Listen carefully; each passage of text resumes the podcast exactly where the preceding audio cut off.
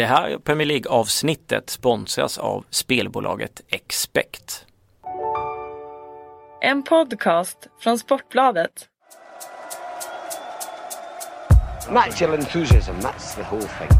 It's the greatest thing in the world, natural enthusiasm.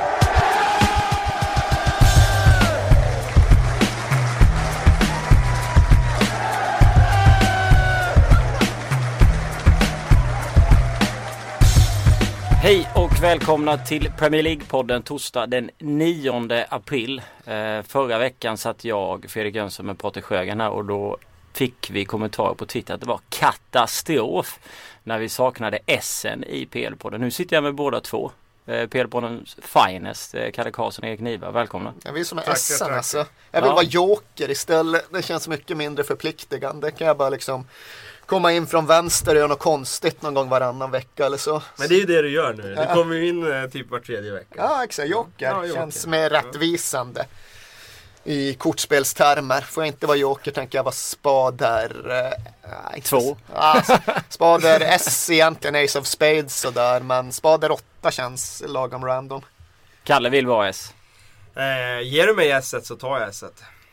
Då får du S. Var det bra läger i Turkiet förresten? Det var mycket bra träningsläger i Turkiet förutom att det regnade de första tre dagarna där eh, om vartannat. Och folk sa där att det inte hade regnat på mer än två timmar på läger på 11 år där. Så att eh, det var lite otur. Så det var ett par pasta som regnade bort i början vilket var lite eh, olyckligt. Var var ni?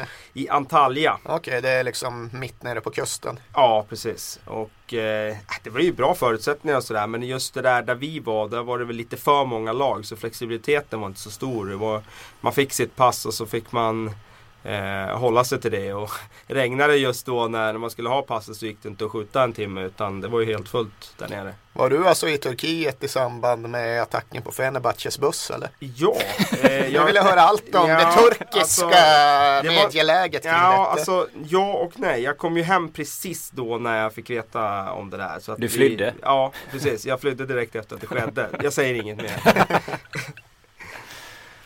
Så att, eh, nej men eh, jag såg inte så mycket av Turkiet utan jag såg mer eh, hotellkomplex och fotbollsplaner där runt omkring eh, Antalya. Det var inget välmeriterat lag som också låg där på läger. Ah, som du Öster var det bästa, Östers IF var det bästa vi kom upp med på samma hotell som oss. kunde... Så att man stötte på Ludvig Ernstsson i hissen då eller? Ja, Dennis Weler sprang jag på lite grann i alla fall. Och Försökte inte värva över honom. Jag tror han blir svår att locka över. Han har ju hjärta för, för den där klubben så att, eh, det blir nog svårt. Jag vill att du ska jämföra ditt lags fotboll med ett PL-lag. Oj! Kommande säsong. Inte den säsongen som var Oh, utan nu. den är svår alltså.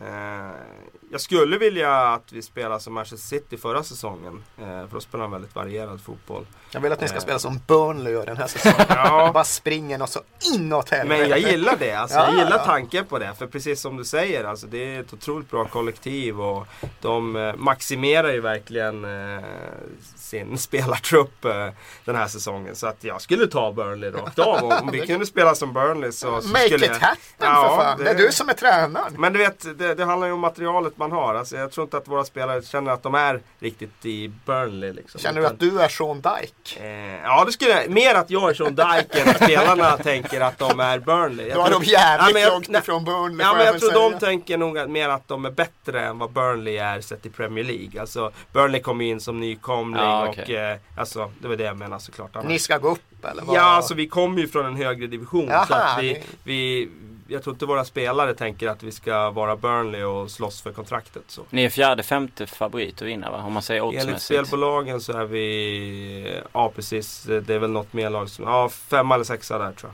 jag. Mm. Ja precis. På tal om Burnley, var du, eh, såg du Burnley Tottenham? Absolut. Jag pratade med Simon om det och han tyckte att det var bedrövligt. Jag vet inte om du håller med? Ja, det är klart det var bedrövligt. Samtidigt så Burnley, svårspelat motstånd. Eh, jätteviktigt för dem. Jag var mer förvånad att vi lyckades ta poäng än det hade blivit ifall vi hade förlorat. Och det var inte så att vi var utspelade. Vi låg väl om något marginellt närmare segern än Burnley. Så jag har ju sett Tottenham göra långt mycket slätare insatser i den där typen av bortamatcher förut. Men i kontexten som liksom eh, som definitiv signal på att säsongen i grund och botten är slut. Att det inte finns någon idé att lura sig själv att man har en outside-chans på topp 4 så blev det lite mer desillusionerande än vanligt. Det var det hela liksom. Det blev inte mer än en 0-0 match i Burnley till slut. Vill du gå till Europa League eller vill du att de inte ska gå till Europa League? Bra och svår fråga. Uh, insting Grejen är så här att jag vill att Tottenham ska göra det bra i Europa League. Jag skulle älska att få åka på en semifinal eller till och med en final i Europaspelet. Jag skulle älska att vinna bucklan. Men jag tycker ju det är rätt värdelöst att spela 20 matcher och sen ändå mer eller mindre strunta i det när det börjar komma fram till åttondelsfinal. Så med den inställningen vi har haft i Europa League under de senaste 5-6 säsongerna då har det ju varit kontraproduktivt. Då har det ju kostat mer än det har smakat. Men jag vill samtidigt inte bli den där jävla liksom kalkylerande figuren som utgår från att ligaplaceringar är absolut det enda som räknas och att det inte finns någonting annat och fotbollsvärlden börjar att ta slut med Premier League. Så jo, jag vill alltjämt ändå att vi ska gå till Europa League. Det berikar en säsong, i alla fall i teorin. Och gudarna ska veta att många säsonger behöver berikas ibland.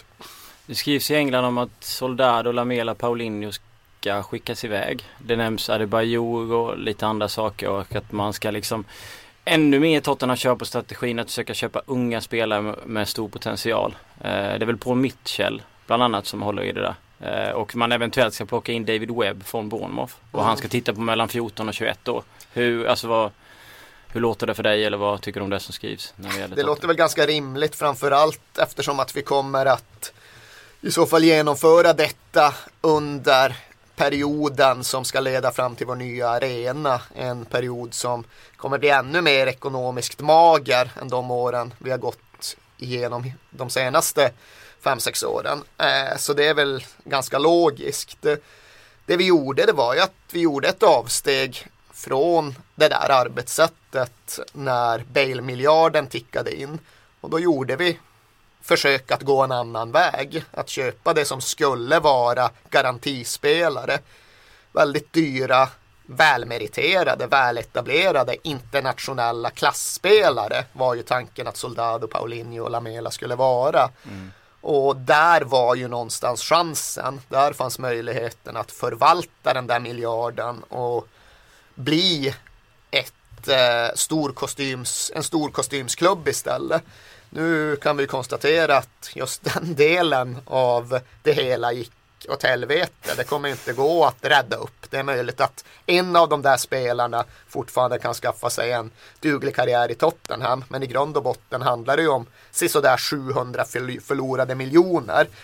Lite kommer vi väl få tillbaka men ja, det kommer ju inte alls bli jämförbart. Så där var ju där var ju möjligheten att spela det spelet och det här blir ju istället då ett återsteg till arbetssättet vi hade tidigare. Det som i någon mån gav oss Gareth Bale, det som i någon mån ja, kan sägas eh, kan användas för att lyfta fram Harry Kane nu. Eh, och jag har inga problem med det egentligen, men det är klart att det är fantastiskt svårt att konkurrera med internationella storklubbar om man själv jobbar på en mer lokal nivå ifall man gör den parallellen. Det, gör så att steget dit upp blir ännu större och ännu svårare att ta. Men samtidigt är det nog ganska oundvikligt. Känns David Webb, Head of Recruitment i Bournemouth, bra för du, jag ska uppriktigt sagt erkänna att jag inte är kapabel att utvärdera David Webb, Head of Recruitment at Bournemouth. Jag vet inte hur arbetsfördelningen har sett ut där. Jag vet inte vad ägarna bestämt. Jag vet inte vad Eddie Howe har bestämt. Jag vet inte om han har haft någon form av eh, övergripande ensamansvar. Är det så så har han gjort det bra. Eh, det är klart att eh, en stor del av eh, Bournemouth framgångar också ligger i att de har värvat klokt. Jag menar väl ändå att det största får vi ge till Eddie Howe. Mm. Men uh, hitta Callum Wilson nere i Coventry ja. och få effekt på honom så omedelbart. Om det nu är David Webb, Head of Recruitment at Bournemouth, som ligger bakom det så då kommer han väl med med en god renommé. Men ja, om det nu är så, nu blir det väldigt mycket om och spekulationer här, så är det i så fall en kursändring för honom att eh, gå från att värva A-lagsspelare för en Premier League-satsning i Bournemouth till att scouta 15-åringar som på mm. sikt ska kunna växa till sig i Tottenham. Ja, så svaret på din fråga blir på flera olika sätt att jag faktiskt inte vet vad jag ska tro och tycka om honom. Wilson måste säga en fin värvning, 17 baljor på 40 mål i Bournemouth. Följer ni Championship mycket by the way? Faktiskt hoppar. mycket mindre i år än vad jag gjort för eh, två, tre år sedan. Då såg jag en hel del matcher då för ett par, tre år sedan. Men du vet vilka som leder? Jag vet vilka som leder och jag har koll på Eddie Howe för han har man följt under eh, några år här och han har ju faktiskt eh, lanserats ganska länge som en av brittisk fotbolls största tränartalanger. Eh, och nu när de är uppe i toppen så, så är det klart att då nu kommer man ju kanske få se honom i Premier League här nästa år så att, eh, då är det klart att det blir extra intressant. Kolla också lite grann på Norwich som eh, faktiskt också har en ung tränare där i eh, Alex Neil som plockar från Hamilton i Skottland. En, mm. Ytterligare en skotte som tagit klivet in nu i engelsk fotboll och jag tror att eh, det där kan vara ett riktigt fynd för att han verkar vara vigd och tränaryrket. Så han gick från att vara spelare till att vara spelande tränare i Hamilton. Och året efter, när första eh, hela säsongen, så lyfte han ju dem upp till, eh, till högsta ligan i Skottland. Och hösten här i, i då eh, i Hamilton mm. så, så överraskade de ju stort i Men de ledde ju serien Ja precis, och de ja. slog Celtic borta och så. Ja. Och nu har han gått till Norwich och gjort det bra där. Så mm. att eh, han eh, har verkligen gjort resultat på, på kort tid och han är ju bara 34 år fyller han i sommar. Hamilton är ju faktiskt en jävla story. Nu ska jag inte sitta och säga här att jag tycker att Hamilton är underrapporterad i svensk media. Jag accepterar. Men, men du antyder det. Ja, jo, jag accepterar någonstans att eh, intresset för Hamilton kanske inte är så där grundmurat i Sverige så att folk skriker när rapporterna uteblir. Men om man just ser på vad som har hänt där under de senaste 5-6 åren så är det ju Första där att de fick fram och fostrade en generation av spelare som ju gör avtryck i Premier League idag. Och då är det främst McCarthy och McArthur man pratar om då. James McCarthy, Everton och vad tusan heter killen i Crystal Palace i förnamn? Eh, James McCarter. Alla heter James, ja. ja så svårt är det inte, de heter samma sak. Och sen då att eh, Alex Neil kom fram och att de lyfte upp sig själva i högsta divisionen. Och om jag inte misstar mig alldeles, jag befarar att det finns risk för att jag gör tankefel när jag sitter och pratar om Hamilton. Men de har väl också, tror jag, en nykter alkoholist eller till och med en, eh, en, ja, en äh, åter vad säger man, en rehabiliterad missbrukare som styr hela klubben. Vilket någonstans adderar lite grann till eh, the fairy tale stuff som eh, omgärdar Hamilton numera. De har inte vunnit i ligan sedan den 12 januari. Så det den inverterade Alex Neil-effekten. Har de inte gjort det? Hamilton det är helt sjukt, han lämnar ju precis där i början Ja, jag var tvungen att surfa upp det. Jag ser att han har liksom, han har en 3-4 kryss. Eller de har det och sen är det liksom eh, torsk. Det är Men då har han den där Mourinho-effekten alltså. Att de lag han lämnar, de hamnar i ett trauma. Han är en lagbyggare, ja, inte en klubbyggare. Ja, precis. Alltså han, eh, för det där är ju också någonting att uh, um, Alltså jag ser inte det som en positiv egenskap alla gånger. Jag vet inte Nej. om vi ska belasta Alex Neil med det riktigt än. Men jag såg apropå bara The Championship, jag försöker följa med men jag kan inte påstå att jag inte missar saker. Det är mycket som går mig förbi och mycket som svischar över mina, mitt huvud. Men jag bläddrade igenom senaste 442 häromdagen och noterade apropå Bournemouth att Matt Ritchie, yttern, sydkustyttern, enligt tidningen då rankas som den bästa spelaren i alla de lägre divisionerna. Eh, och det var inte riktigt jag klar över att han var så central för Bournemouths uppflyttningsdrömmar.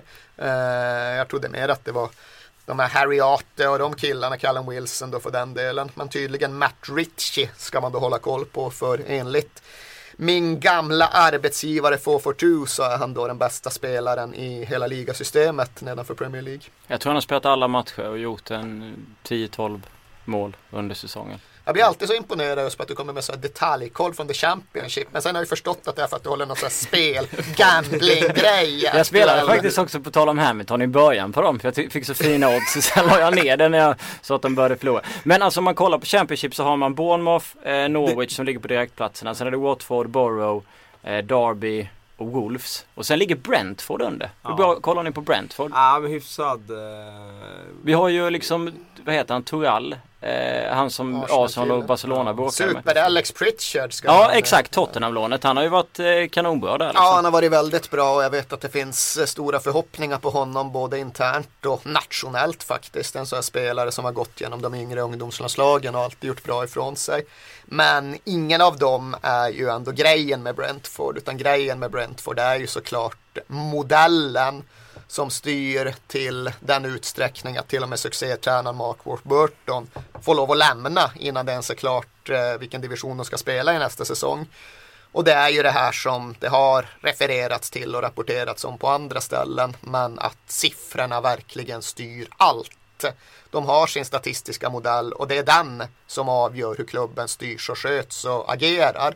Och detsamma gäller ju även i Mittjylland som mm. håller på att moonwalka hem den danska ligan. Och det är det som verkligen gör det intressant. För annars kan man ju prata om den där sifferfixeringen och avfärda den ganska enkelt. Men bevisligen är det ju någonting som funkar här. Både Mittjylland och Brentford är på väg att uträtta saker som de inte har lyckats med i hela sina klubbars respektive historia.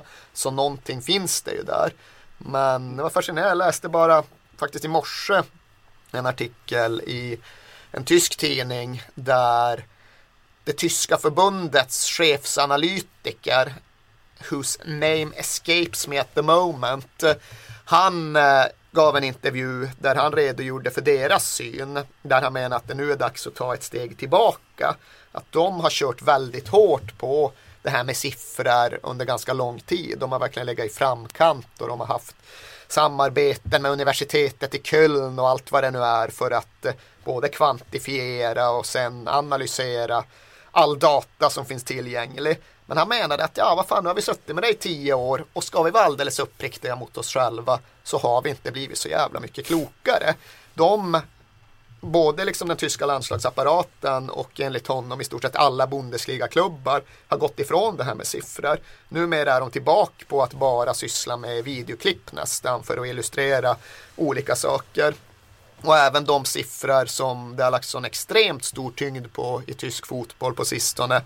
Liksom antalet tiondelar som går från eh, det att man får bollen till att man passar mm. det vidare antalet meter som eh, finns mellan de olika spelarna i backlinjen vid vissa givna tillfällen och antalet spelare som befinner sig i bollens omedelbara närhet i vissa spelsekvenser. Inte ens det ger någon form av relevans. Och han använde bland annat då VM-semifinalen mellan Tyskland och Brasilien som paradexempel att enligt alla våra statistiska modeller så ska Brasilien vinna den matchen. För de gör det bättre vad gäller alla de här nyckeltalen ja, som man tidigare utgått ifrån. Men eh, med allt det här sagt så var han väl just inne på att ja, men nu är det dags att ta ett steg tillbaka för att sen ta tre steg framåt mm. igen. Vi måste hitta något nytt här. Men det vi har hållit på med och det vi har trott på och det vi har sett som föregångare inom i så tio år. Ja, det får vi nästan kasta över bord för det var fan inte värt så mycket när vi väl tittar närmare på det. Men det hade varit kul att se Brentford i PL eller? Ja absolut. Eh, Griffin Park, 12 000. Eh, de ska bygga en ny arena där också. En pub i varje hörn måste man mm. alltid säga så fort Griffin Park kommer på tal. Mm. Är det så? Ja, i varje hörn av arenan finns det då en unik, en unik pub som ja, man kan besöka. Det gillar man ju. det är klart man gör. Men det är intressant där med Warburton när du säger där med just att han får gå och eh, på grund av den här statistiska modellen. Han var ju sportchef där innan. Så att uh, han har ju varit med och satt det här på plats. Mm. Uh, och sen kliver han ner då som, som manager och får själv lida för, för det liksom. Och han, är ju, han kommer ju vi pratar om att Eddie Howe kommer att coacha i Premier League vad det lider. Det kommer nog Mark Warburton också för han har givit ett så positivt intryck och rent medialt så hoppas man det för att han har en så tacksam story. Han har ju liksom den gamla aktiehandlaren från eh, finansdistrikten i London som bara klev av det mm. där och började från botten med fotbollen istället. Och eh, jag vet inte hur stora slutsatser man ska dra genom han men han menar att det finns vissa liksom grejer som han ändå tror sig ha fördel i beslutsfattande under press. Är man stockbroker då jävla ska det säljas aktieinnehav på millisekunder för att maximera vinsten och det ska på något sätt då gå paralleller till det och de situationer man måste eh, hantera under press under match. Liksom, nu jäklar ska det göras, göras en taktisk korrigering eller ett byte.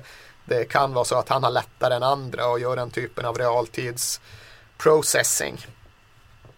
Vi hoppar från Brentford. Ska bli intressant att se vad som händer med de där lirarna och den där klubben. De ligger precis nedanför. The Bees. För, eh, vad säger man, kvalplatsen upp så att säga. playoffplatsen. Playoffplatsen. Jag har inte varit på Griffin Park sedan sommaren 93. Var den bra? Då spelade Spurs eh, försäsongsmatch där på sommaren. Och vi presenterade vårt stora nyförvärv Jason Dosell inför en ganska gles skara tillresta fans. Det blev 0-0 också kommer jag ihåg. Så det var också en dag på Griffin Park. Jag har sett någon U21-landskamp där också men det var tidigare. Hur mycket följer ni FA-cupen? Liverpool gick vidare igår, Blackburn. Ja, jag, alltså just igår så, så valde jag att inte titta. Eh, men, Varför? Eh, ja, jag blev utdragen på en bio istället som jag ångrar bittert att jag såg. Vad Fast, såg and, du? Fast and the Furious. Uff. Och det var absolut inte mitt val att gå och se den. Försök inte, som trä- huvudtränare går det inte att passa ansvar vidare. Nej. Eh, jag passar det här ansvar, eh, ansvaret vidare i eh, alla dagar i veckan. trodde Eh, det var, skulle- jag ångrar det bittert. Det var en eh, mycket, mycket svag actionrulle. Trodde du skulle ha gått och sett så här Leviatan istället. En tre timmar lång rysk konstfilm. Men det tar ett tag innan man, alltså, innan man går på bio igen. Jag såg 50 shades of Grey heter den väl. Det var ju alltså, det var så dåligt så att Ja, men jag... hur motiverar du det beslutet? Nej men alltså det var väl inte, det var samma där. Det var inte jag som tog beslutet att gå på den utan det var mer att man var tvungen att jo, gå och se det, för att det var jag skulle- exakt samma Ja. procedur igår. Alltså går man dit och bara känner jag vill gå hem efter en halvtimme liksom. Man måste ta ansvar för sin filmkonsumtion. Ja det var ja, viktigt. det ska jag göra i fortsättningen eh, och det innebär att jag inte ska se någon alls. Nej precis. Reading, Arsenal, Aston Villa, Liverpool i alla fall är de lagen som är kvar. Eh, vad är känslan runt FA-cupen? Hur mycket känner ni liksom att det är den här eh, nostalgin och fina turnering och följer ni med liksom och känner att det... Jag, Jag tycker det är tredje omgången, förlåt, jag tycker tredje omgången fortfarande är den roligaste. När, eh, när de små ska in och bråka med de stora. Det brukar bli sådana här härliga kulturkrockar då. Och eh, fyllda arenor som eh, så här charmiga mindre arenor. Så den tycker jag är roligast faktiskt. Sen eh, är det klart, när det börjar komma fram nu och de ska in på Wembley så är det klart att det blir stora eh, matcher för, för, för de klubbarna då. Framförallt för fans till lite mindre klubbar. Aston Villa till exempel nu då som som ändå får eh, en tripp till Wembley när eh, ligan inte har blivit vad de hade hoppats på. Mm. Ja, jag har pratat så många gånger om att jag alltjämt håller FA-cupen väldigt högt. Att jag tror att folket är less på att höra mer om det. Men jag kan väl i samma anda gnälla lite grann på det här med att semifinalerna spelas på Wembley nu för tiden. Det är dels en jävla urholkning av magin med att komma till Wembley. Liksom, storklubbarna är på Wembley fyra, fem gånger om år nu för tiden känns det som. Eh, det är lätt överdrivet men inte så mycket. Så dels eh, förtar det själva grejen med att komma dit, eh, själva magin i finalen. Och dels så var det en fin gammal engelsk cuptradition det här med semifinal på neutral plan. Det kändes som att det alltid var på Villa Park och det var inget fel med det. Det var en jäkligt bra arena att ha semifinaler på. Och jag gillar ju det där liksom en eh, stor arena, Villa Park eller Elland Road var det ju ofta också. Delad precis hälften hälften. 20 000 kommer från norra England och 20 000 från London brukade det ofta vara fråga om. Det var, det var fina dagar. Spurs eh, mot Newcastle uppe på Old Trafford 99. Det var ju för inte skitkul eftersom att Alan Shearer gjorde två mål. Men eh, själva grejen med semifinal på neutral plan, det saknar jag. Och jag är dubbelt förbannad just för att det inte bara att vi berövas på dem. Det blir dessutom en urholkning av, av Wembley-grejen. Så då fick jag gnälla lite på det också. Benteke gjorde tre mot QPA.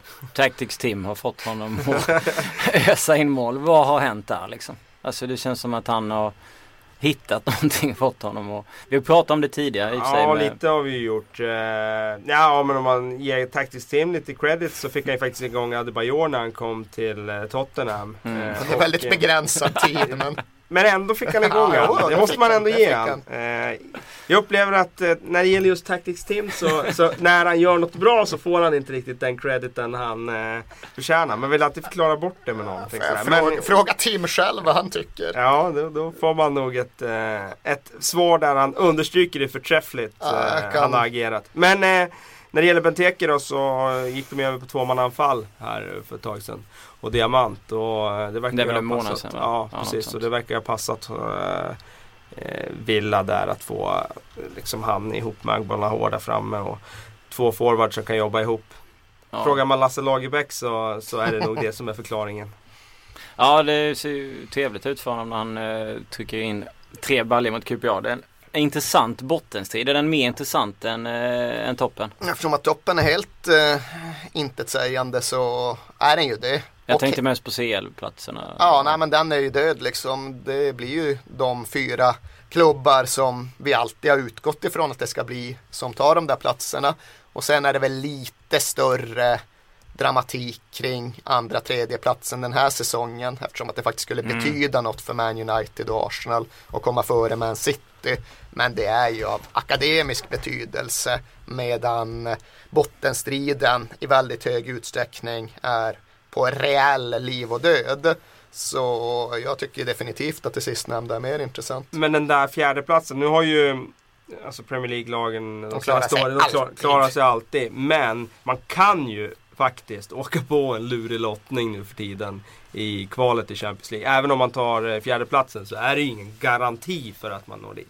Jag tror framförallt eh, kanske att det riskerar att kosta några poäng i ligan för man gnisslar ju ofta igång där efter sommaren och måste man då ner till Udine och möta Udinese eller till Istanbul och spela mot En någon av de onsdag, klubbarna. liksom. Det känns alltid som att det är Udine eller Istanbul, Ja, det är det enda man ska åka till. Och det är klart att det kostar lite fokus och energi och sådär. Men ja, återigen, det ordnar ju sig alltid. När var det senare engelska, senaste Ja, engelska Everton, tror jag. Ja, Jag tror det var Everton mot det- Villarreal där 2005. ja, det är mer än tio år sedan.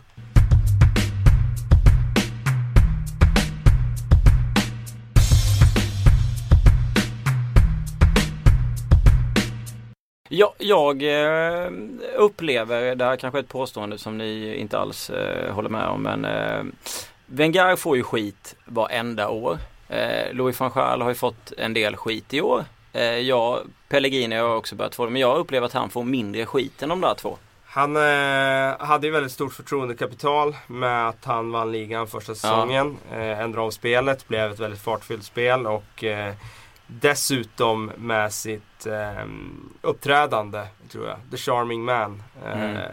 Folk gillar Pellegrini och hans eh, attityd och eh, respekt gentemot andra och omgivningen. Så, så att jag tror att det är mycket det som gör att han eh, undgår kritik eh, när andra tränare som kanske spänner pilbågen lite högre i sitt snack och i sin, eh, i sin eh, kanske vilja att framhäva vad de själva har gjort som är bra.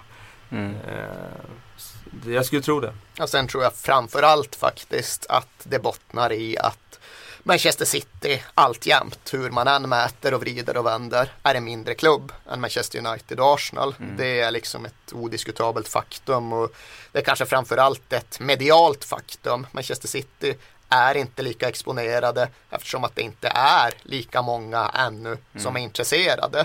Manchester City är en stor klubb traditionellt, det ska vi verkligen inte glömma. Men det är ingen gigant och det gör att medietrycket runt om är lite mildare än det är kring några av de absolut traditionellt största klubbarna. Det är generellt sett tuffare att vara manager för Liverpool än det är att vara manager för Manchester City. Trots att den sistnämnda klubben har en helt annan kravbild numera. Men Det märker man i och för sig när man sitter här så det borde väl vara så definitivt överallt att det dras mycket mer när man skriver om Liverpool, Arsenal och- och United. Men eh, Pellegrini, tycker ni att han liksom ska få vara kvar där han är idag? Är det liksom en... De ska ju få in någon bättre då. Jag tycker att det finns en eh, brist på tränare i, runt om i Europa som kan gå in och ta de här största uppdragen. Mm. Och eh, Det är ändå ett väldigt stort uppdrag att ha en klubb som ändå siktar på att slå sig in och vinna Champions League. Med en eh, enorm budget. Så att eh, jag är inte så säker på att de kan få någon bättre. Kan de få en bättre, då tror jag att de kommer titta på det i sommar. Eh, Pep Guardiola kommer såklart vara drömmen men eh, jag utesluter att de plockar honom i sommar. Så att där får de nog vänta något år och då kanske det är lika bra att ligga kvar med Pellegrini ett år till.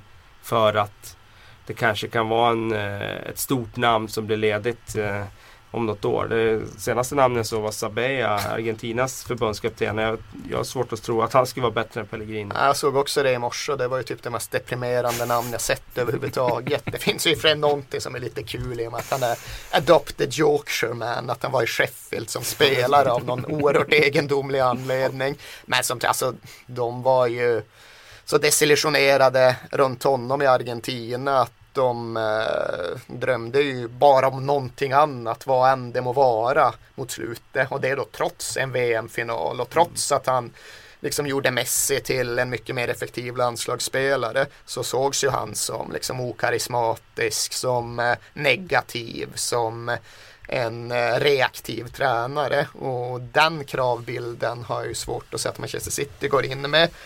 Eh, jag är ju generellt sett aldrig nästan för att sparka tränare. Jag är alltid för att spelare ska stanna och att tränare ska få längre tid. Men vad gäller Pellegrini så är det bara att konstatera att det är helvete vad stelt det har blivit i Manchester City. Mm. Det finns ju inget, det är ett livlöst lag just nu. Så det måste ju hända stora saker där. De har sin åldersstruktur som såklart är ett gigantiskt problem och de har en stor renovering framför sig. Jag tror det blir svårt att skjuta upp den ett helt år och jag tror att det blir svårt att låta Pellegrini ansvara för den och därför känner jag mig nog rätt övertygad om att Man City kommer att välja en annan lösning i sommar. Sen får vi se vad det blir och just vilka alternativen är och vilka kontakter som redan är knutna. Men jag skulle bli väldigt överraskad om säsongen 2015-16 börjar och Pellegrini sitter där på Islands. Just det faktum vi pratar om där med åldersstrukturen tror jag är en sån grej som man kanske har sett förbi lite. Eh, det är ett väldigt svårt uppdrag att vinna ligan med en sån trupp som i stora delar var med och vann ligan för, för tre år sedan. Vad blir det? Ja, nu är det tre år sedan de vann ligan 2012. Och sen hänga kvar och ha ligans eh, högsta medelålder som de har. Mm. Eh, jag vet inte hur mycket det är Pellegrini eller det faktumet att deras spelare börjar gå på, på tomgång. Så att, eh... Jag tror också att det är just en konsekvens av att eh, det har varit så ryckigt i Manchester City. Vem har egentligen det långsiktiga övergripande helhetsansvaret? Ska det vara Begerstein och de som ju för övrigt ryktas till, vara på väg tillbaka till Barcelona? Eller ska det vara managern? För nu tror jag verkligen att det är en konsekvens av att de ändå har bytt tränare flera gånger. Maschini kommer in och sätter sitt i någon mån.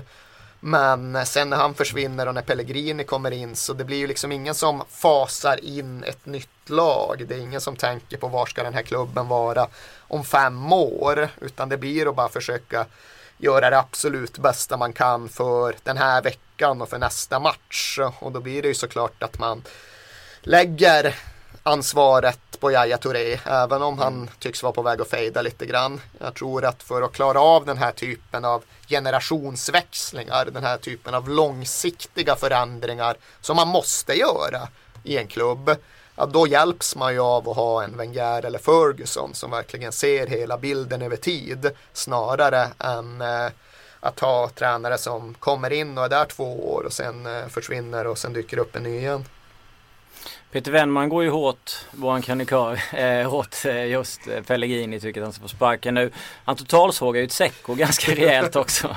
han, han tenderar att göra det. Ja, han har gjort fyra Valje i år mot 16 i fjol. Vad, alltså, vad tycker ni om hans säsong? Liksom? Är det här, har han gjort sitt i PL? Kommer han försvinna nu? Går han någon annanstans? Jag kan tycka att Dzeko i ett Manchester City är en tacksam bänkspelare. För han har ju mm. visat att han ofta från bänken kan komma in och, och Quality sleep is essential for boosting energy, recovery and well-being. So, take your sleep to the next level with Sleep Number. With a Sleep Number smart bed, you can individualize your comfort level and enjoy a better sleep night after night. JD Power ranks Sleep Number number 1 in customer satisfaction with mattresses purchased in-store. And now the Queen Sleep Number C4 smart bed is only $1,599, a saving of $300 only for a limited time. For JD Power 2023 award information, visit jdpower.com/awards. Only at Sleep Number stores or sleepnumber.com. Faktiskt eh, avgöra matcher. Men eh, som startspelare i ett lag som Manchester City så tycker jag inte att han är tillräckligt bra. Nej. Eh, jag tycker att han har för stora brister i sitt allround-spel och det är väl det som Peter eh, reagerar på rätt ofta. Det gör jag också hemma i soffan. Jag tycker också att han är för slarvig i sitt spel. Eh, för att vara en startspelare i City. Eh, två, eh, ja, på måndag är ju en extremt intressant match för mig. Liverpool Newcastle och sen är det Derbyt United City. Liverpool Newcastle får det till extremt intressant. Ja, för mig. Ja, du får sälja in den. Men det är bara för att du Ja, håller på. Newcastle. Ja, få höra nu. Eh, nej men det är ju för att jag är Magpie givetvis. Jag vill ju se någonting som inte liknar det jag såg Och det mot tror, du Sunderland. har ändå hoppats att du ska Ja, få jag, göra det? ja jag, jag, hoppas, jag vill se någonting. Jag hoppas ju givetvis inte på det jag såg på 90-talet, 95, 96 och 97 om ni kommer ihåg de här matcherna. 4-3. 4-3. Mycket mål ja, för ja, dem där. Ja. Det var ju liksom eh, när de kom ifatta från eh, 0-3 till 3-3. Det är väl eh, Warren Barton som kvitterar? Ja, det vet du bättre än vad Ja. vi gör. Och då fick man det här hoppet liksom. Sen i några minuter senare så nickade ju Foul in 4-3. Man Man ser blir- bara liksom bilderna på en helt ihopsjunken Kevin Keegan som Ja. liksom sätter och dunkar huvudet i någon träskiva eller vad Ja. nu gör. Det är mina starka. Collymore var bra i de där matcherna eller? Ja, Coleman var ju bra året in. Det var ju två sådana Ja, sjuka. Eh, Han gjorde två mål tror jag året innan. Då, då blev det också 4-3. Men då svängde det mer fram och tillbaka. Nu låg de ju under med 3-0, kommer fatt och så gör Fowler där. Men Fowler gör ju mål i, i, i båda de två matcherna. Det var ju någon som snackade i England skrev de om att det var the greatest game ever. Bara Ja, att det blev så... det är ofta känt som det. Och det Ja. där kan man diskutera. Jag vet att när Liverpool och Arsenal spelade 4-4 på Anfield, Arshavin-matchen för några år sedan, Ja, så just det. tyckte jag att det var en sån som verkligen skulle upp där och nämnas. Vi har en 4-4 mellan Spurs och Arsenal också som Men Arshavin, var det i. Champions League den? Nej, Nej, det, var var, i nej, det var i ligan. Ja. Ja. Just det, det Han stämmer. gör- Det var i han ligan. gör fyra ja. mål. Just Ja. det, sen blev det 4-4 i Champions League också. Blev det inte det? Ja, den här Adebayor dansa-matchen. Jag vet inte fan om den slutade. Walcott springer Ja, igenom den kanske där. slutade 4-4. Jo det gjorde Ni tog, är det Tottenham kvitter? Ligger under med 4-2 Alltså nu pratar vi om olika saker. Ja. Eh, Ja just det, just det. Sorry. Spurs är ju 4-4, Aron Lennon raka in returen. Men när Walcott springer igenom Men hela den tror jag laget. inte blir 4-4 den enskilda matchen. kanske blev 4-4 och en aggregate. Ja, så kanske det var. Så kanske det var. Jag Så, ska- ja, så var det nog ja. Så var det nog.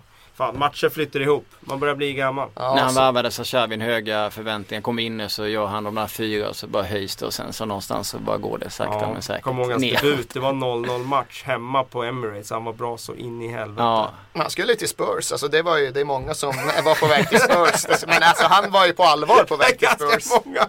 han hade skrivit förnamn raden. men inte Nej men han hade ju på allvar alltså gått ut och sagt att ja men nu har jag gjort mitt val, jag har bestämt mig för Tottenham. Men sen, Vilket lag ni kunde ha haft. Ja, men grejen är att från början var man ju- från början var man ju väldigt förstörd kring det. Men så i efterhand var ja, hade det varit positivt eller negativt att dra den där värvningen i land. Där strandade det på Ja, att Levi inte pallade med ryssarna och ryssarna inte pallade med Levi. Eh, vilket ju inte är alldeles ologiskt.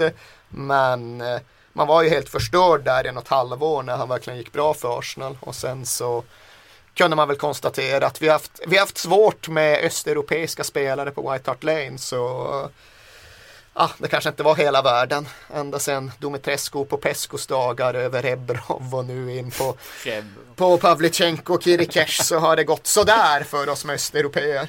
Men ni känner inte samma längtan över den här måndagsmatchen som jag gör då? Ah, du har inte riktigt lyckats pitcha in det. Du har liksom, jag, kan, jag känner viss längtan av att gå och kolla känner man ju. YouTube highlights Ja. från de där fyra, tre matcherna. Kom bara på det att eh, de två Liverpool-anfallare vi nämnde förtjänar varsin 10 sekundare. Collymore som ju var väldigt het på Villa Park när han på pressläktaren stod och verkligen jubla fram ja, sitt Aston Villa får man väl ändå säga mot det QPR som man hamnar i någon form av Twitter-fade med. Så det var väl underhållande att följa. Och sen var det dessutom underhållande att konstatera att Robbie Fowler tydligen ska hit till Sverige om några veckor. Här tror han ska göra någon sån här liksom, om det är grej med Liverpool supporterklubb eller så. Och det är inte ovanligt. Sådana saker görs ganska ofta.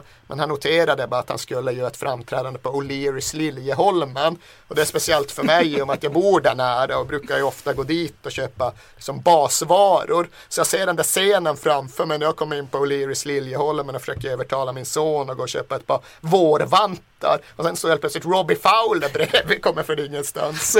Oerhört stor så här, världskrock som jag hoppas blir verklighet.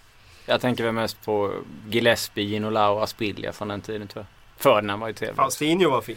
Ja, Faustinho var ju riktigt fin. Keith Gillespie tyckte jag fick eh, en honorary mention där. Du nämnde honom först av alla. Ja, jag kommer också ihåg när han bråkade med, det var Lachero han bråkade med va? Ja, det var det nog. Han det var väl en spark eller någon skit däremellan. Det var då Cherry gick ut och sa att han var värd 50 million pounds på den tiden någonting.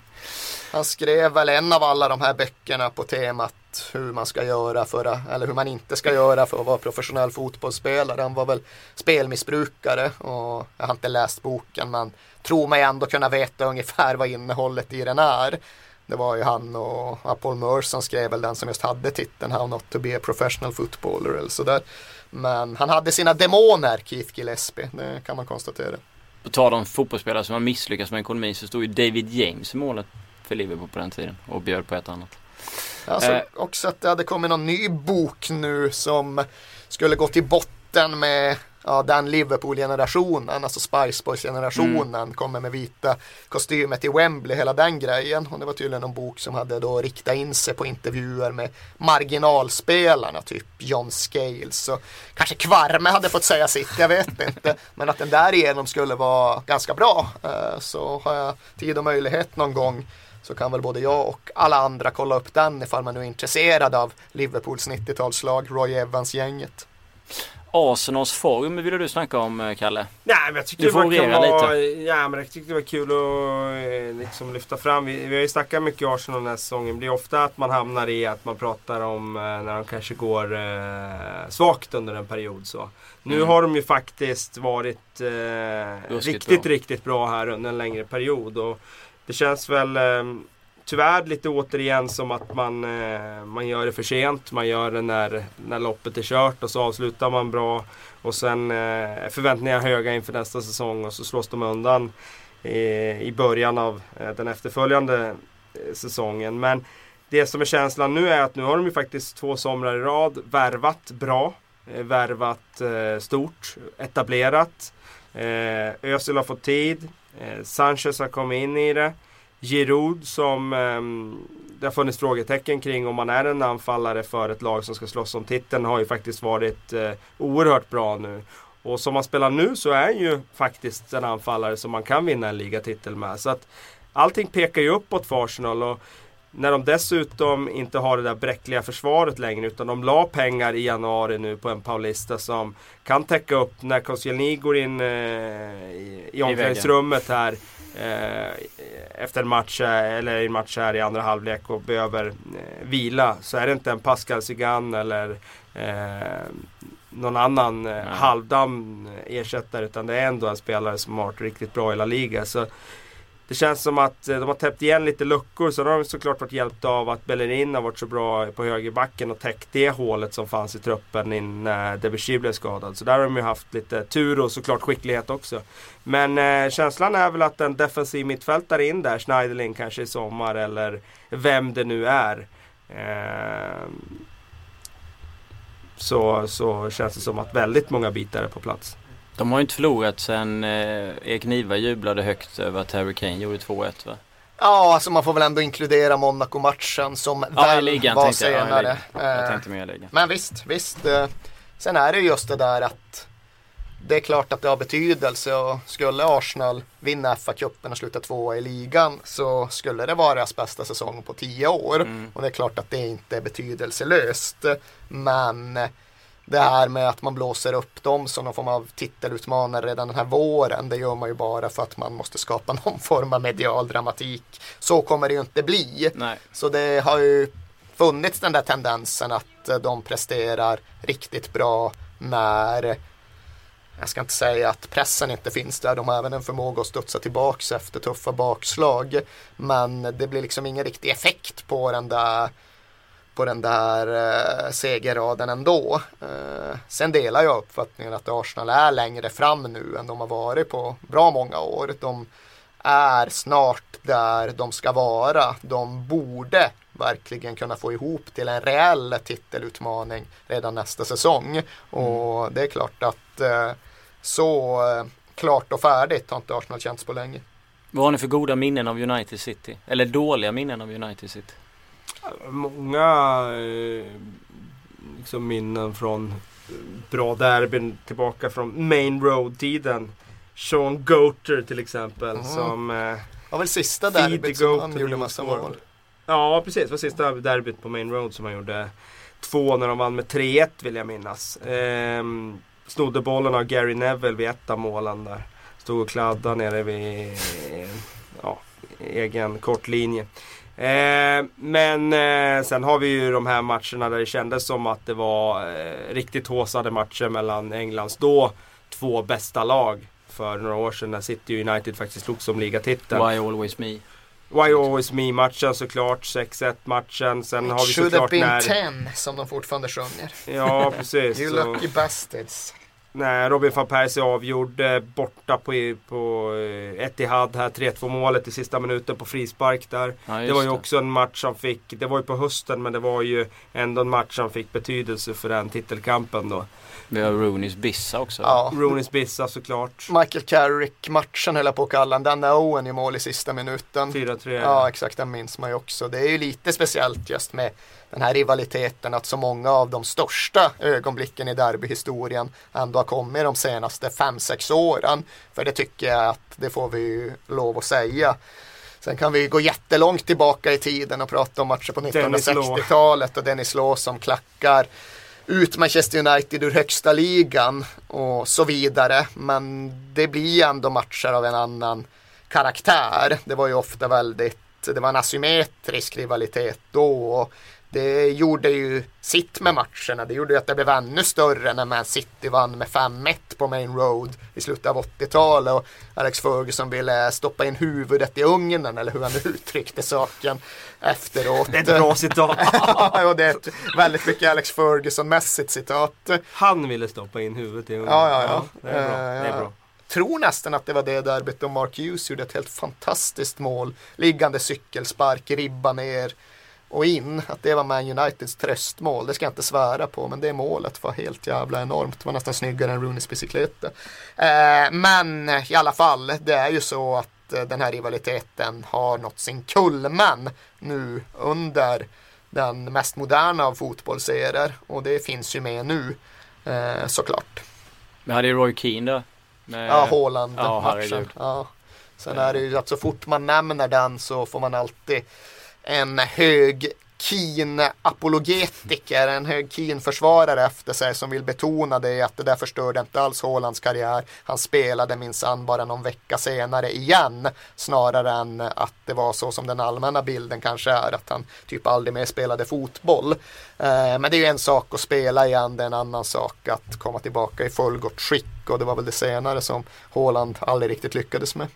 Mark Clattenburg dömer i alla fall matchen. Han delat ut tre röda kort den här säsongen. Eh, Luke Shaw, Tyler Blackett och det är någon mer i United eller City. Ja, var det inte han som visade ut kompani Jo, i kompani, ja just det. Kompani. Det är de tre röda han har skickat ut. Eh, så vi kanske kan räkna med ett rött kort. Men vad tror ni vi får se eh, för typ av match Alex? Ja det är ju det som är intressant nu för att eh, när de möttes i fjol på Old Trafford så gick United in med inställningen att de var, de var inte nära eh, Mm. överhuvudtaget. De kanske ville vara nära men de insåg själva att eh, vi är inte det och eh, vi har inte en chans It's i the den här matchen. standard we need to aspire to. Eller Ja, David precis. Moyes uttryckte saken. Och det var ju eh, 0-3 den matchen vill jag minnas.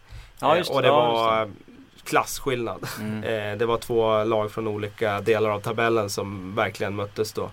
Eh, men eh, nu har ju faktiskt United i tre matcher i rad här visat att eh, de vill föra matcher. De är bra nog för att föra matcher och de har gått in med en attityd i matcherna att eh, motståndarna ska inte komma och tro att, att de ska kunna komma och latcha med oss och att vi bara ska backa hem på egen planhalva utan de spelar bollen och de vill vinna tillbaka bollen fort. Vilket innebär att eh, senast körde de ju över Aston Villa även om resultatmässigt var det kanske inte så. Men jag tyckte spelmässigt så gjorde de det. Mm. Och eh, de gjorde en väldigt bra match på Anfield. De gjorde en väldigt bra match på Tottenham. Ja. Det känns som att de faktiskt har tillräckligt med uppumpade bröstkorgar för att prata Erik Hamréns språk för att kliva in i den här matchen. Shining Och ändå, ja, shining för att eh, Fellaini i alla fall, för- shining nu för, för, tiden. för att eh, ändå kliva ut den här matchen till City och, och, och sätta an tonen. Det är väl så att om Man City vinner så skulle det innebära att de har vunnit fem raka derbyn för första gången i fotbollshistorien. Och eh, det färgar ju. Det färgar ju, det gör det. Det färgar kanske framförallt desperationen på Old Trafford kring att stoppa den där resultatsviten. City känns ju inte i, i, i lika mycket balans som när de eh, slog dem senast. Så det känns som det ska bli intressant att se vilket lag av de där två som kommer hamna på just den här fjärdeplatsen och få kvala. Jag är inte så säker på att de kommer vara lika trygga i det som som Arsenal som brukar göra det år in ja, och åka till det. Istanbul eller som du säger. Istanbul eller Lud. och vinna ganska bra liksom. Eh, och sen så floppar de på, floppar de på eh, våren när de ska möta nederlagstippade Monaco och så vidare. Det kan väl dra antingen någon av alla derbyklyschor som man bara kan välja vilken man ska dra ur hatten ifall man ska dra det här om att ja men ett derby spelar form och ligatabell ingen roll då är det den enskilda matchen som lever sitt eget liv och jag väljer att dra just en av dem för att jag tror att det kan nog ändå finnas någonting i det. Om man ser till form och momentum så är det ju självklart att Man United vinner. Jag tror inte att det blir fullt så självklart. Sen ville jag bara hinna med någon passus apropå att vi återkommer till Champions League-kvalet. Och bara säga det att det är nog den mest skräckfyllda halvtimme jag någonsin har haft som fotbollsanhängare. När Tottenham åkte ner och skulle möta Young Boys på världens snabbaste plastgräs. Clive Allen hade scoutat dem sett dem på naturgräs i en bortamatch. Kom tillbaks till Harry Redknapp och sa this lot is crap liksom. Vi åker ner och dödar dem. Öppet lag 4-4-2 liksom. Det här dödar vi direkt. Just det, det blir tight Och de tränar knappt ens på matcharenan yes. överhuvudtaget. Går ut och Young Boys piskar upp ett sånt jävla tempo på det där plastgräset. Det står ju 3-0 efter typ 20 minuter. Det borde ha varit 5. It should have been 10. Us lucky bastards. Så liksom vi hade kämpat för den där Champions League-platsen i så många år och så kommer vi ner och åker till Schweiz, ligger under med tre bollar efter 20 minuter och är helt utspelade. Det var så extremt nedslående så jag, jag kommer jag slutade titta på den där matchen, gick in i ett annat rum och skulle sen bara gå ut och stänga av tvn i paus och då visade sig att Basong hade nickat in en reducering och ja, då blev det värt att titta igen. Men dra åt helvete för den första halvtimmen. Basong alltså. Shall we sing Basong for you? Mm. Eh, vi får väl eh, köra lite frågor. Tycker jag. Folk håller på att skriva att jag ser ut som Juan Mata på min profilbild. Jag har hört det nu typ 15 gånger. Det är, det en bra. fråga? Det är Nej, det är ett påstående. eh, och att eh, var, ja jag vet inte. De håller på. Då menar de inte, då menar de rent utseendemässigt? Menar ja, jag bytte profilbild igår av någon anledning och då tog de, är det någon som frågar om jag har börjat. Det är inte de här fotbollsmässiga kvaliteterna du brukar Nej, visa upp i inte riktigt så.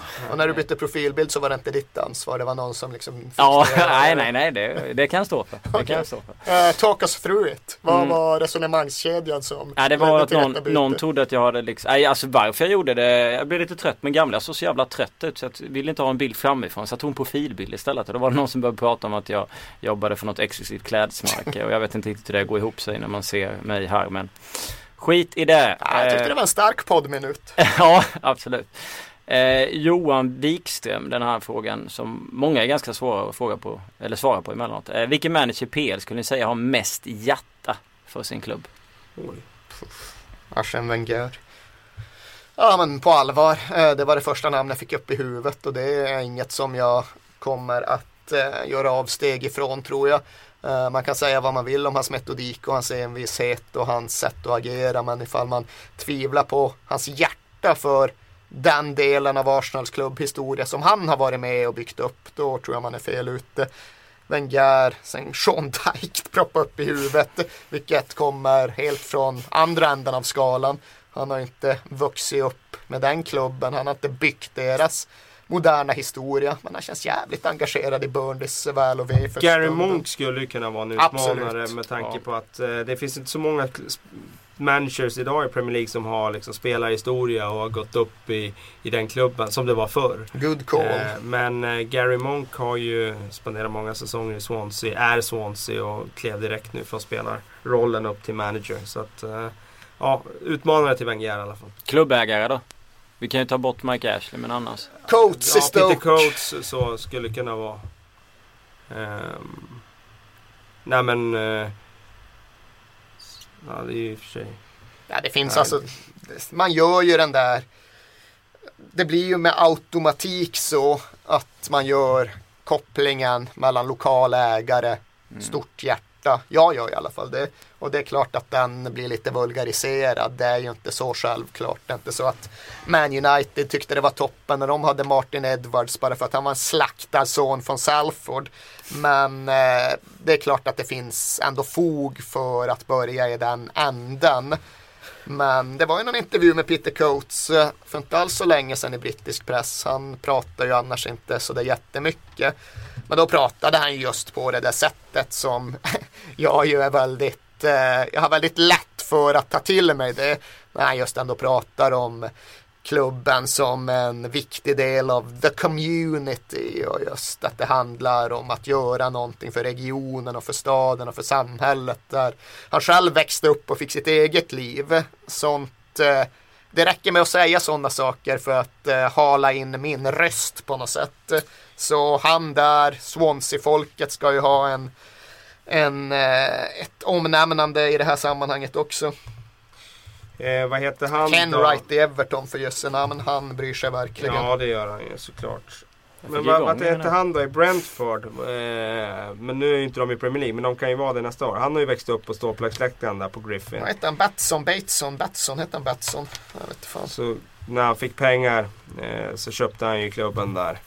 Så att han, eh, han kommer nog vara en av dem nästa säsong om de når dit. Crystal Palace-folket, nu blir det liksom som med Swansea att det är inte helt självklart vem som är någon form av huvudsaklig ägare. Det är mer konsortier och konglomerat men där finns det ju också Matthew supporter. Benham, Benham inte Batson, just det.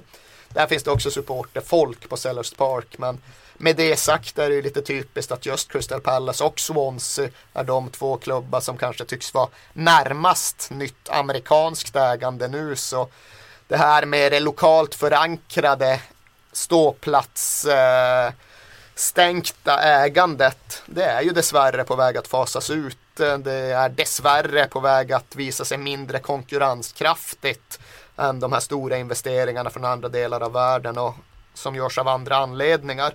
Och det är klart att det är en väldigt central del i den här ekonomiserade moderna fotbollen som vi pratar så mycket om och återvänder så ofta till. Och det är inte en av de delar som jag tycker är allra roligast att konstatera. Palace mår ju väldigt bra nu. Ja det gör de. Pardew. Mm. Super Pardew. Super Alan. Det får man aldrig höra på redaktionen så fort Palace vinner att han, det är han som är kungen i alla vill ha honom. Eh, jag förstod inte den referensen. Nej, det, stå, riktigt, det är stående skämt här inne så fort Allan Pardew vinner en fotbollsmatch så får jag så mycket skit på redaktionen. För att han just lämnade Newcastle. Där ja, inte, ja, ja, ja, den, det förstår jag. Ja. Eh, favoritsång? Tillägnad en spelare? Jag frågar Anton. Ja, det är ju den där gamla med... Uh, to, to Andy Gorams. När han var, när han var drabbad av schizofreni. Så sjöng ju, var det Rangers-fansen som sjöng There's only two Andy Gorams? Han stod väl för Rangers, det vore lite för grymt. Ja, men jag tror det var dem. Jag tror det var de som sjöng det. Ja, det jag tror det var de egna som sjöng det. Rangers och Glasgow, det är en tuff jävla ja. miljö så det är väl inte uteslutet. Det, alltså. Ja, han sjöngs ju ofta Boni-ramsan när han var i Swansea. Sen när han bytte så slutade vi med den på redaktionen. Vilken var det? Eh, score goal for Swansea, Wilfred Boney, bla bla bla. Ja, men det där är ju också svårt. Det finns ju den där, ja du sålde verkligen in den. Ja, verkligen. Ja. Jag känner att jag inte ville bjuda på min sångröst i podden så jag men det, men det går, finns ju på Youtube, det är bara att leta. Det finns ju jävligt många. Men... Jaja Kollo är ju skön. Jaja Kollo, ja den är ju absolut. Men det är ju två. Jag tycker Man Citys egen, alltså specifika Jaja-sång är helt okej okay också. Den är ju Freddie Delilah, alltså Stoke-sången de har snott och gjort Jaja av det. Och jag tycker Sabaleta-sången de kör också är rätt bra. Men annars så är det ju uppenbart att eh, de där liksom sångerna de tenderar ju att ibland överleva själva spelarna just beroende på ifall de verkligen får fäste på läktarna eller inte. Liksom Spurs, vi sjunger ju fortfarande nästan alltid om Nicola Berti som ja, inte det... gjorde något som helst avtryck på White Hart Lane. Men han, hade, han fick en bra sång. Så den, han var en bra fribba där vill jag minnas. Ja, ja. My name is Nicola Berti, I'm aged around 30 och allt det där. Eh, Man United sjunger ju också, de sjunger ju mer om eh, Solskär och Cantona framförallt, Forlan också, än de sjunger om sina nuvarande spelare. Mm. Eh, Och sen är det väl just den där I Scores When You Want, det är en klassiker Ja, överallt. de är så Även om det-. Ja, jag vet. Ja, alla de, alltså, det är alltså det. Ja, det, det är måste- ju som med allt, måste även, även sångerna faktiskt. blir sämre nu för tiden. Arsenals fans sjunger de från Percy när han var där, sen går han till United och sjunger de det och sen är det samma grej. Ja, Liksom. det är ju den, ja, men det är också det är ju den Det- sämsta som Man Ja. United om Robin van Persie. Åh, Robin van Persie liksom. Ja, Ja. ja det var det. Eh, det var ju bättre stunds i Five Cantonas kan jag konstatera. Men det är ju fan, det är ju alla är medskyldiga. Just den där jävla Ja, alltså Go West-melodin, 1-0 to the Arsenal som det var från början. Den är ju också så oerhört överanvänd i alla fotbollssammanhang. Ande Herrera, Jakob Thorén eh, skriver att känns som han alltid varit bra när han har fått spela men varför ger inte van Schaal honom fler chanser? Alltså inte Det var ju många som undrade i höstas för då Mm. fick han ju väldigt få chanser. Eh, sett till att han faktiskt visade ändå lovande tendenser. Eh, nu har han ju spelats in i laget så nu är han ju ordinarie. Nu kommer han ju spela eh, säsongen ut. Nu har han ju etablerat sig. Alltså nu är det ingen som flyttar på honom om han fortsätter spela så här. Men i höstas var det en berättigad fråga, absolut. Jag tycker att han är begåvad spelare. Eh, bra offensivt, bra defensivt och han har ju det där spanska eh, kvaliteten att han kan lösa situationer eh, tack vare sin passningsskicklighet. Så att eh, tycker det är en spelare som har bidragit med någonting nu när han kom in. Har han fått någon sång? Nej, inte vad jag minns. Vet. Ja, det, det är också Andersson hade en jävligt bra sång. Jag är fast i det lite. Ja exakt och den har ju nu Spurs tagit över och kör på Eriksen och det med att sno sånger är väl... Är du rädd att det ska gå åt skogen för Eriksson också, precis som det gjorde för... Nej, men jag kan tänka mig att Eriksens sång den kommer nog Spurs fortsätta sjunga även efter att han har lämnat klubben. Det roliga med den där Andersson-sången var ju att han gjorde en tunnel på Fabregas. Ja, ja, och Fick, den sången. Men sen stod de och sjöng alltså He shits on Fabregas när Fabregas var en av världens bästa mittfältare. Och Andersson, det var ganska uppenbart att han inte var det. Ja men det gjorde ju den bättre. Det också. Jag kan tänka Ja, mig att ja. Man United kommer fortsätta sjunga den, vilket jag verkligen hoppas. Det är klart de ska. Det är då man Men vill höra. Det jag liksom. verkligen bara skulle passa på att säga i det sammanhanget som faktiskt är lite kul. Det är ju att Soldado fick ju en oerhört tröttsam sång som är snodd någonstans ifrån när han kom. Det är den här Soldado, he came from sunny Spain to play at White Hart Lane. Helt jävla värdelös sång. Men sen har den ju gradvis gjorts om så att den faktiskt har blivit rolig. Nu först blev det ju Soldado. He came from sunny Spain to play with Harry Kane. Och nu har det då uppgraderats till He came from sunny Spain to train with Harry Kane. Ja, just Och nu, det. nu är det ju roligt helt Ja, då är det plötsligt. roligt. Då är det bra. Då är det riktigt bra. Det är ju en riktigt bra twist alltså. Vi har frågor om eh, Charlie Austin här från lite folk. Vad tycker ni om honom och eh, vad tror ni han kommer mm, spela nästa säsong? Ja, jag, jag, vi har varit inne på Charlie Austin tidigare. Även om han fortsätter vara bra så tror jag att det finns en risk för att om man skulle gå till Säg ett lag på topp 8 så, så finns det risk för att han sitter på bänken nästa säsong. Jag tror att han skulle må bra av att eh, eh, om nu QPR skulle ryka ur Premier League, vara kvar på en rimlig nivå. Det vill säga gå till ett Premier League-lag, absolut. Men inte kanske välja att gå till eh, ett för bra lag där det finns eh, anfallare som han ska konkurrera med och där det finns stor risk att han hamnar på, på uh, bänken. Austin för Newcastle, eller vad säger du? Ja, jag hade gärna sett han där. Det är ju bättre än eh, Rivière som bara springer omkring och typ inte uträttar ett skit. Springer han ens omkring? Ah, det, ja, det är väl det han gör. Just tell him to fucking run about, som Harry Redknapp sa till Pavlyuchenkos tolk. det är en extremt eh, misslyckad värvning. Jag tror han har petat in en boll. Och nu när Papi Cissé är avstängd så är det ju han eller Perez. Perez ser ju ändå lite, lite intressant ut. Han springer fram. ju omkring, Ja, får man ge Eh, honom. så att... eh, Men nej, jag delar väl att det känns ju lättare att se Danny Ings ta plats i en klubb med toppambitioner än det känns att se Charlie Austin göra det. Och det kanske är lite orättvist men det är ändå det intryck man får utifrån deras respektive spelstil och just hur ja, de så kallade topplagen för sig och agerar. Eh, Austin är ju man ska inte underskatta honom. Han är ju bra. Han är inte bara liksom en flash in the pan så. Men att passa in honom i ett av, ja som du säger, topp 8-lagen. Det känns inte helt ensam enkelt. på topp och du ska bära en hel anfallslinje. Du ska liksom kunna hota en backlinje på egen hand på den nivån. Nej, slänger man ju bara som ut som ytterforward och låter honom springa och vara tempostark Ja. och eh, bökig liksom. 17 baljor har han. Ja, det är Han ligger två bakom. Jag på att säga, jag trodde det var fler men. Han ligger två bakom Kane och Costa.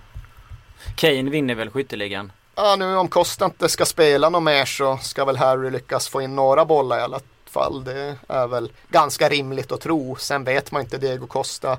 De skickar ner honom till placenta-doktorn i Belgrad och så kommer han in och så gör han tre mål och sen går han sönder igen. Det, det kan hända precis vad som helst där. Det var tyst om placenta-doktorn nu på ett tag. Alltså hon fick väl inte, det var väl inte hennes starkaste tid förra våren just när hon skulle rädda Diego Costa. Ja, var det, Då var det, ja, ja, det var så. Ja. Nej, men Diego Costa till placenta Mariana. Kovacevic eller vad hon heter. Hon skulle, ja det var ju definitivt Champions League-finalen, då jävlar var det placenta Ja, var det doktorn. placenta. Och så liksom Just kom han det. till spel och bara placenta doktorn, vilken jävla superstar. 11 minuter. Fan man placenta doktorn.